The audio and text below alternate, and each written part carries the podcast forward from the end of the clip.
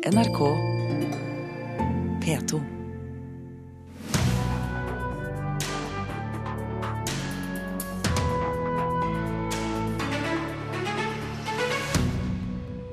Bibliotekforeningen går til kamp mot byrådet i Oslo, som vurderer å stanse byggingen av nytt hovedbibliotek. Publikum vender langsomt tilbake til utelivet i Paris, men fortsatt er det ikke engang halvfullt på konserter og kinoer. Og neste serie av Mammon går løs på det politiske miljøet. Serieskaperen kommer til Kulturnytt.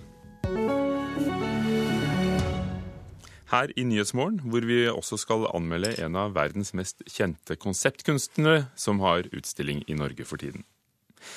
Et av de største kulturhusprosjektene i landet og i Oslo står i fare for å bli stanset etter at byggingen har startet. Etter årtier med planlegging var det politisk flertall for et nytt hovedbibliotek i sentrum av hovedstaden.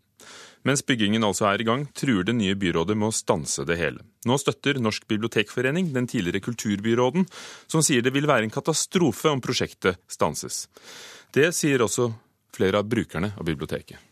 Eh, jeg bruker biblioteket til å låne filmer og til å sitte og se ting på internett og låne bøker. Det skal komme et nytt eh, hovedbibliotek i Bjørvika. Er det et behov for et nytt hovedbibliotek? Det tror jeg absolutt uh, at det er. For det er jo noe med, med det nå at, at, vi blir så oppslukt av de datamaskinene våre og skjermene. Og spesielt hvis det blir et flott, vakkert bygg med masse aktiviteter, så gleder jeg meg til det. Besøkende på Deichmanske bibliotek i Oslo har lenge kunnet glede seg over at Europas kanskje mest moderne bibliotek skal bygges i Bjørvika. Men som Aftenposten kunne melde forrige uke, kan det ferske byrådet sette kjepper i hjulene for prosjektet, når de nå ber om mer tid til å se på kostnadene. Vi frykter at dette her er et forvarsel, at vi nå ser skal vi se begynnelsen på slutten for at disse planene går gjennom. På det nåværende hovedbiblioteket sitter Mariann Skeide. Hun er leder i Norsk bibliotekforening, som representerer landets mange bibliotekbrukere, og hun mener det haster med et nytt hovedbibliotek. Det biblioteket som er planlagt i Oslo var også ment å være kanskje et fyrtårn av, eh, blant bibliotek i Europa. Det tror jeg vil trekke til seg like mange som både uh, Operataket og Munch-museet. Det, det er viktig for alle, det er viktig for hele landet. I 2013 sa et samlet bystyre ja til et nytt hovedbibliotek i Bjørvika. Bygget skulle koste 2,6 milliarder kroner og stå ferdig til neste år. Men pga. flere budsjettsprekker har planene blitt utsatt, og prosjektet kan bli opp mot en halv milliard kroner dyrere. Med bakgrunn i dette kan det nye byrådet velge å skrote hele prosjektet. Jeg må jo si at jeg eh, gnir meg litt i øynene og tror nesten ikke det jeg ser, når eh, Eh, det nå eh, ryktes at de vurderer å stoppe hele prosjektet. Det vil etter min mening være en kulturpolitisk katastrofe. Halstein Bjerke var kulturbyråd for Venstre da bystyret vedtok byggeplanene, og tar fullt ansvar for budsjettoverskridelsene. Men til Dagbladet i går uttalte han at det ville være en skandale om hans etterfølgere nå stopper hele prosjektet. Man har brukt 700 millioner kroner på det så langt. Å skulle stoppe det nå vil være galskap. Og kanskje vil det være eh, nådestøtet, det som gjør at vi ikke får noe nytt hovedbibliotek i Oslo. Halstein Bjerke. Arbeiderpartiets kulturbyråd, Rina Mariann Hansen, mener hennes forgjenger bør være forsiktig med hva han sier, fordi det er han som er ansvarlig for problemene med det nye hovedbiblioteket. Jeg ville vært forsiktig eh, hvis jeg var Halstein Bjerke med å legge skylden på andre, når han har styrt et prosjekt som har fått en så stor overskridelse.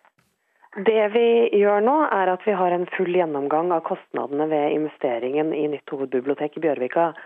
Vi overtok et prosjekt fra det tidligere byrådet, hvor det er en stor kostnadsoverskridelse, og hvor det også ser ut til å være en forsinkelse. Det er vi nødt til å sette oss ordentlig godt inn i før vi anbefaler bystyret hva vi skal gjøre videre.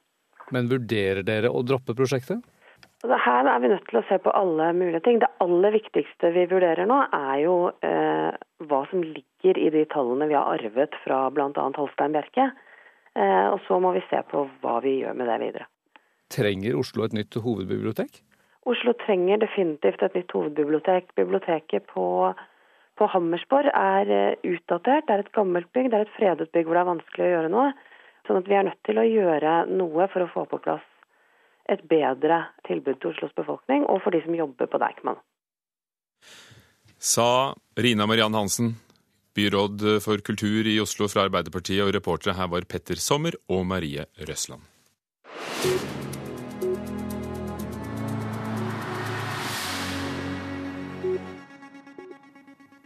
Og Når det gjelder eh, utviklingen i saken om Deichmanske hovedbibliotek, så er det en som er glad i utviklingen i saken. Det er eh, Frp-veteran og bystyremedlem i Oslo, Carl I. Hagen. Frp var nemlig eneste parti som stemte imot et nytt bibliotek i Bjørvika, og Hagen har hele tiden vært en arg motstander av prosjektet.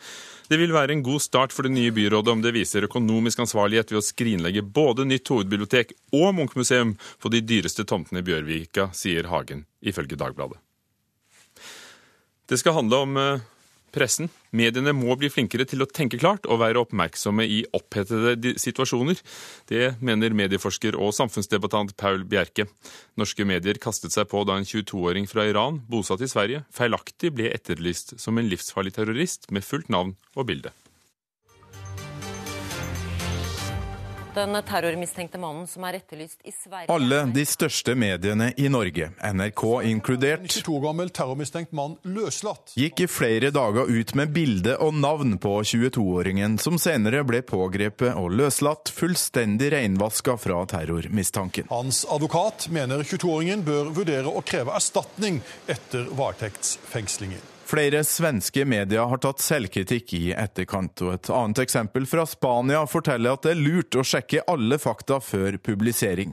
En spansk avis publiserte nylig et bilde av en mann med bombebelte og Koranen i hånda, som viste seg å være et manipulert selfiebilde av en canadisk journalist med skjegg, melder CBS News.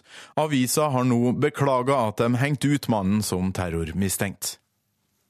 Torkil Torsvik var reporter. Perl Bjerke, professor ved Høgskolen i Volda og kjent samfunnsdebattant. Hva var det som gikk galt denne gangen, i dine øyne?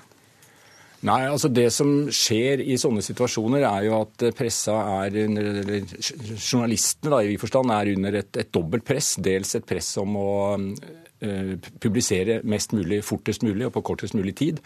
Uh, og dels også føler da et ansvar for å advare befolkningen mot, mot farlige personer og delta i og bistå til samfunnssikkerheten.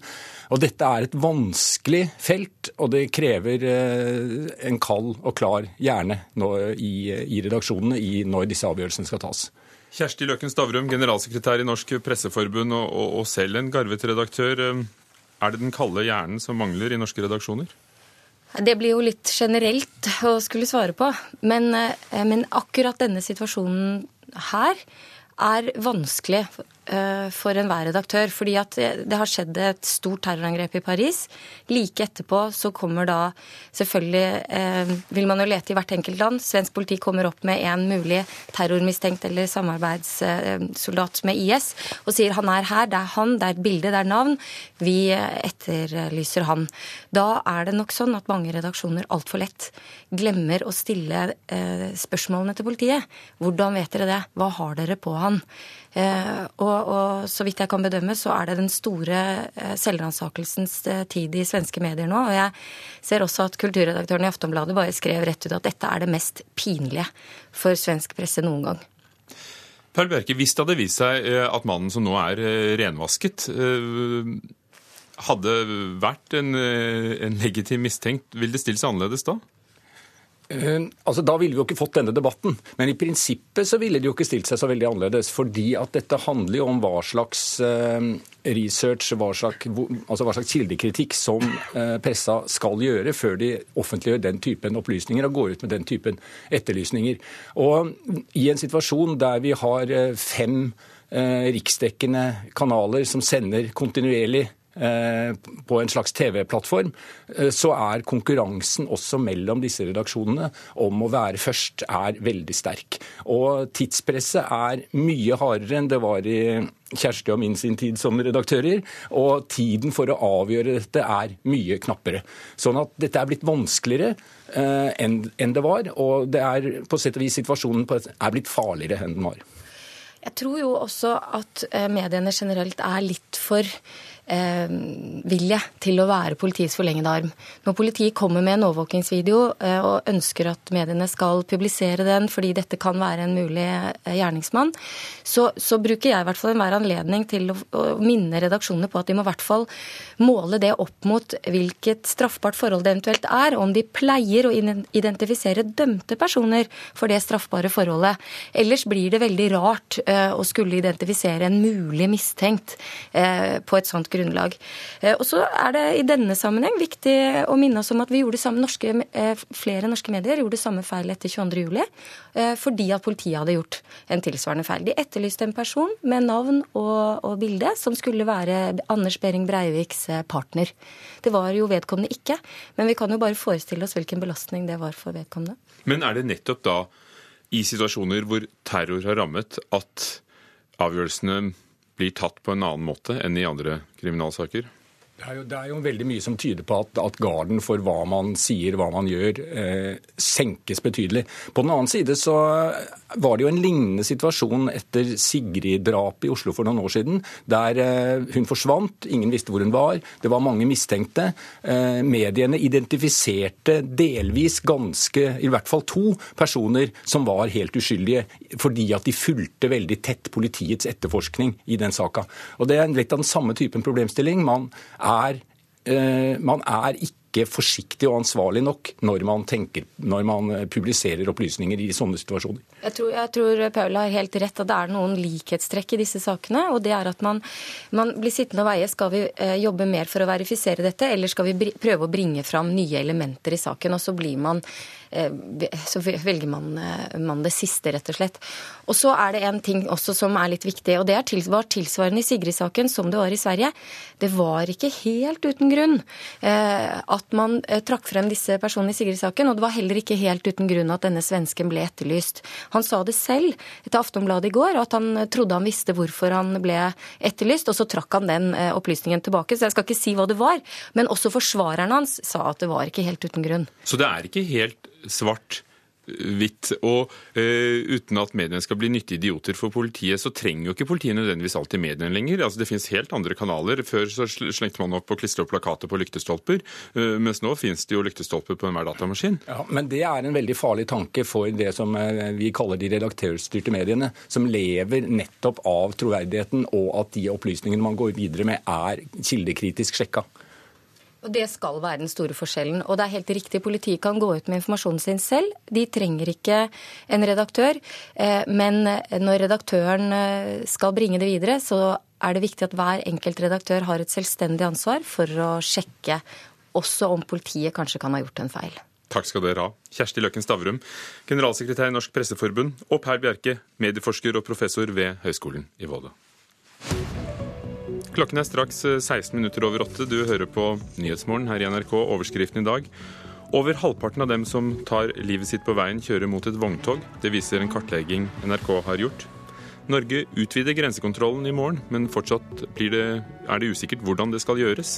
Og det er frykt for nye opptøyer i USA. En video viser en hvit politimann idet han dreper en svart tenåring i Chicago. Publikum vender tilbake til utelivet i Paris etter attentatene for eh, litt over en uke siden, men det skjer veldig langsomt. Fortsatt, viser nye tall, står over halvparten av plassene tomme på kulturarrangementer. Få parisere og enda færre turister våger å begi seg ut på restauranter og teatre, kinoer og konserter, men Oma fra Libanon syns ikke man skal være engstelig, og hun morer seg i latinerkvarteret.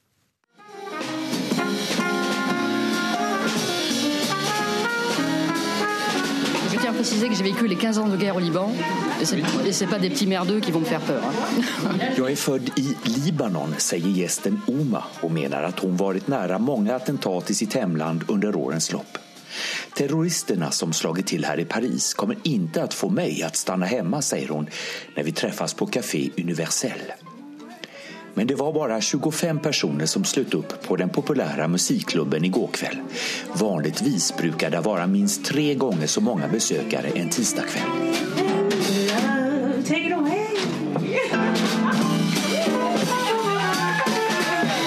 Igår var det jam, det vill säga folk i publiken får komma och sjunga och spela jazz och fransk chanson. Ägaren, marockanen Assou Kennel, förklarar publiktappet med att många inte vågar gå ut nu på grund av risken för nya attentat. C'est vraiment visible. Donc, euh, C'est lié aux attentats c'est lié aux attentats. Oui, oui, oui, oui, oui. On ne voit plus de touristes. Särskilt synligt är det att turisterna uteblir, säger Assou och berättar att hotellen i latinkvarteren är nästintill tomma. Läget är tufft, mycket tufft just nu, säger han.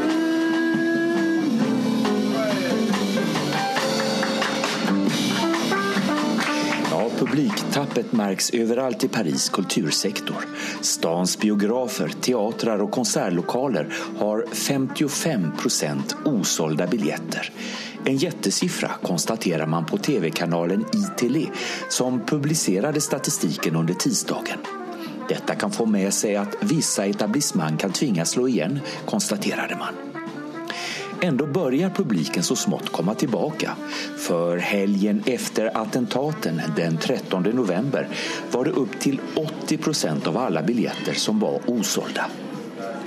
Fooding är märket för en känd matguide som främst tipsar om ny, modern fransk mat. Det är där man tagit initiativet till att parisarna ska gå ut. På krogen, på kino och konserter. I tisdags kväll för en vecka sedan började man med uppropet, men det misslyckades. Få människor vågade sig ut då. Igår kväll ville man försöka igen och man uppmanade i flera dagar åter parisarna att gå ut tisdag kväll. Men initiativet annullerades i sista stund på grund av det allvarliga läget i världen och i Paris. Flera platser i den franska huvudstaden bombhotades nämligen och många metrolinjer slutade gå under ett par timmar. François Joannis äger biografen Les Curial i Paris 13 arrondissement. Vid entrén köar knappt ingen. Men François är ändå inte orolig för framtiden. Visst är det mindre folk på min kino, säger han till mig. Men snart kommer nog parisarna förhoppningsvis att glömma bort alla hemskheter. Och när de mår bättre kommer de säkert tillbaka i lika stor utsträckning som förr, hoppas han. que les gens reprennent le moral euh, et voilà, et se, et se fassent confiance. Og reporter i Paris var Johan Tolgert.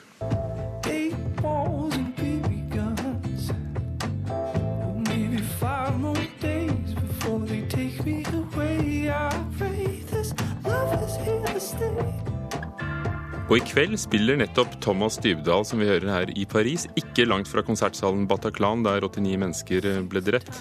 Etter sjokket, forbannelsen og sorgen ble jeg bare mer ivrig etter å komme meg til Paris og spille, sier Dybdahl til Stavanger Aftenblad i dag. Han sier at eh, de fleste nok ønsker å vende tilbake til det normale, som planlegger en helt normal konsert uten spesielle symbolhandlinger på Les Etoiles i kveld klokken åtte for den som skal til Paris. Pappa, det er ikke jeg som er viktig nå. Ok, hold fokus. Det finnes ingenting annet som er viktig enn å beskytte deg.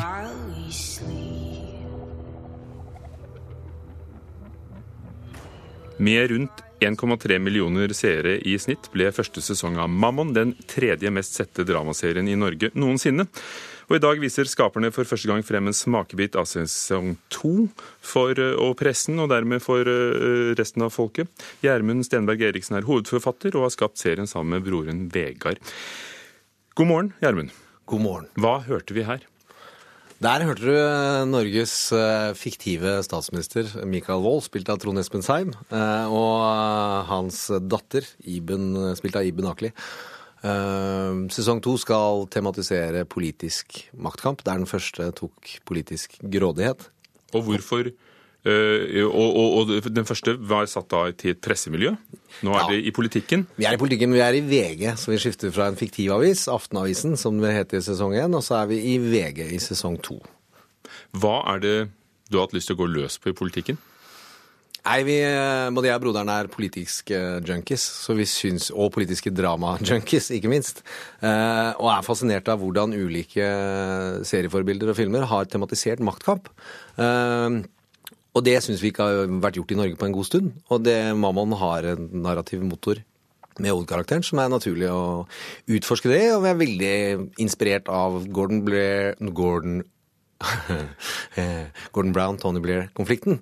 Eh, og syns den har vært morsomt å putte i en norsk sammenheng eh, om en leder-nestleder-konflikt, som er ganske evig, for det er vel ikke første gangen man ser på det. Men det går an å leke med det og fortelle noe viktig, samtidig som man underholder. Hvor tett opp til norsk virkelighet er dere? Vi, vi, vi hørte akkurat eh, Erna Solberg og, og Jonas Gahr Støre i radioen for en halvtime siden. Vi er eh, 100% fiksjon. Vi er en ren høyreregjering eh, med mannlig statsminister og mannlig finansminister. Så, og dette er det en stund siden vi har hatt. Men vi prøver å tematisere politisk viktige spørsmål. Så det er ikke viktig at det er Høyre. Det er viktig at det er ett parti, og at konfliktene ligger inni partiet. Eh, For der blir de gjerne større enn mellom partier. Og så er det vanskelig å dramatisere koalisjons, eh, koalisjonssamarbeid, eh, siden det er vanskelig nok i virkeligheten. I første sesong så, så fikk dere gode anmeldelser, og, og som vi sa, veldig mange som så på. Eh, Men flere journalister mente at arbeidsmiljøet ikke var godt nok skildret og ikke troverdig nok. Forventer du tilsvarende kritikk fra politikk, politikken? Ikke fra politikken, det tror jeg ikke. Jeg tror journalister er uh, særegent lite vant til å få framstilt sitt eget miljø. Uh, alle vi andre får det hele tiden av dere. Uh, men det var Det blir lyd når det handler om journalister, og jeg regner med at det blir noe lyd igjen. Så får vi se om vi, det blir mindre av detaljer om hva slags datamaskiner man sitter på, og hvilket rom man går inn i, og når. Du nevnte forbilder, politiske thrillere. Hva er forbildene deres? Eh, Det er klart West Wing og House of Cards er de to store ytterpunktene i norsk Nei, internasjonal seriesammenheng. Der den ene handler om er den hvite svanen og den andre sorte, og den ene handler om idealistisk politikk, og den andre om eh, mistroen til at det finnes idealisme i det hele tatt. Eh, Det er dramaer, altså den ene er thriller. Men jeg syns Forbrytelsen 1 har en fantastisk politisk motor, hvor du hele tiden stanger i en ordførers eh, ønske om å komme opp på den nasjonale scene, og alle de som ikke vil ha han der. Eh, Og det er mange andre karakterer rundt den politikeren som vi blir kjent, kjent med. Så, så hva gjør en politisk thriller god? Det er at man må få folk til å skjønne at det er personlig. Altså, de føler eh, veldig at de trenger eh, disse posisjonene og den makten, og det må være noen personlige grunner. Og det er det som antageligvis motiverer folk til å stå i det utrolige stormen som politikk er. Serien er blitt gjenskapt både i Polen og Tsjekkia. Har du sett noe på, på hva de har gjort? Jeg har sett farlig lite klipp, altså. Men, eh, og det er eh, egentlig bare fint. Jeg er redd for at den kan være veldig mye bedre enn oss, og det, det er klart at det er et knekk for selvtilliten. Og så får vi se hva som skjer. Søndag 3. januar er det premiere på NRK1 på serie 2. Takk skal du ha, Gjermund Stenberg Eriksen, en av de to skaperne av Mammaen.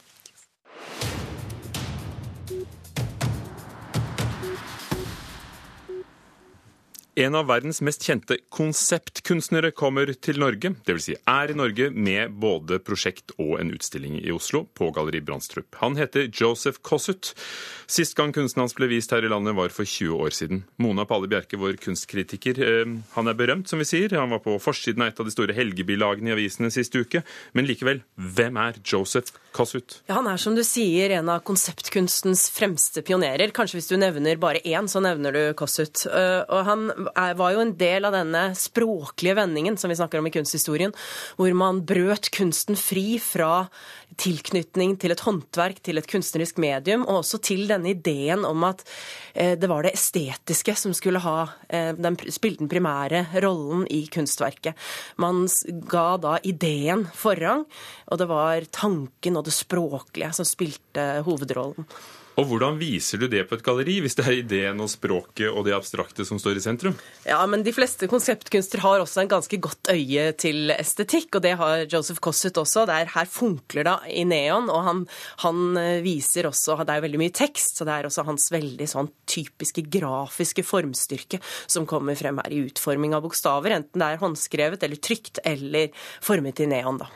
Så hva viser de da på Galleri Brandstrup? Altså, Vi ser veldig tydelig han som den visuelle, verbale DJ-en han er, der han sampler inn ulike tekst- og billedbrokker, og dette da befruktes gjennom de nye sammenhengene det kommer inn i. F.eks. han setter da en Tommy og tigeren-stripe sammen med et Hegel-sitat. Eller så er det jo her da verk fra hele hans karriere, fra 1965 og frem til helt flunkende nye arbeider laget for denne utstillingen. Det er jo da et av de ikoniske én og tre linjaler. Dette må du forklare. Ja, Her ser vi en linjal som henger på veggen, og så er det et fotografi av den samme linjalen og en tekstlig definisjon av linjal. Og Her utforsker han ulike måter vi representerer virkeligheten. Og hva gir det deg? Ja, nei, det er jo Dette er jo et veldig veldig kjent og kjært verk i kunsthistorien. Eller den tilhører en verksgruppe. Men han har jo også helt flunkende nyarbeider, hvor han da går inn i uh, Piet Mondrian, den store abstrakte kunstneren som er kjent for disse stringente maleriene med vannrette og loddrette svarte linjer, og primærfargene gult, blått og rødt. Og i disse fargefeltene, i disse kopiene av Mondrian, så har han da trykket tekst, og dette er Mondrians egne refleksjoner knyttet til kunst. Så her flyter teori og praksis, det visuelle og det verbale sammen. For det høres jo ganske estetisk ut. Ja, det er det. Eh, hvordan syns du Galleri Brandstrup har klart å, å presentere? Jeg syns dette er blitt veldig flott, og jeg var faktisk litt skeptisk i utgangspunktet. Jeg syns dette med å vise dette veldig komplekse kunstnerskapet i et kommersielt galleri, det lød som en litt underlig setting. For hele konseptkunsten sprang jo ut av et opprør mot kommersialiseringen av kunsten, og et, eh, at man ville rett og slett gjennom å skape immateriell idébasert kunst, eh, frigjøre kunsten fra dets varestatus lite grann. For, en... for, samtidig er det jo da et verk på, på Kongsberg eh, mm. som skal minne gruvehistorien i, i byen. Mm. Absolutt. sånn at det er jo, Men det de, det de får til her, syns jeg, er å la han få lov til å utfolde seg i sin komplekse bredde. For jeg var jo litt redd for at de skulle forsøke å gjøre han mer salgbar og mer spiselig, for dette er jo faktisk en, en salgsutstilling. Men jeg tror de da regnet med at dette er ikke den utstillingen de vil tjene mest penger på. Det vil koste mer enn de vil tjene. Takk skal du ha, Mona Palle Bjerke. Utstillingen 'Tenkningens zoologi', eller selvfølgelig har den engelsk tittel 'Zoology of Thinking', vises på Galleri Brandstrup til 20.12. Eh, med Joseph Kossut, som eh, er altså en av verdens mest kjente i sin sjanger. Vi tar med at det blir et tysk firma som skal eh, bygge Alabasthallen på det nye Nasjonalmuseet i Oslo. I går signerte Statsbygg en kontrakt med firmaet Rochmann verdt 90 millioner kroner. Alabasthallen blir det hovedelementet i det nye Nasjonalmuseet, bl.a. pga. at den blir 133 meter lang og over 7 meter høy.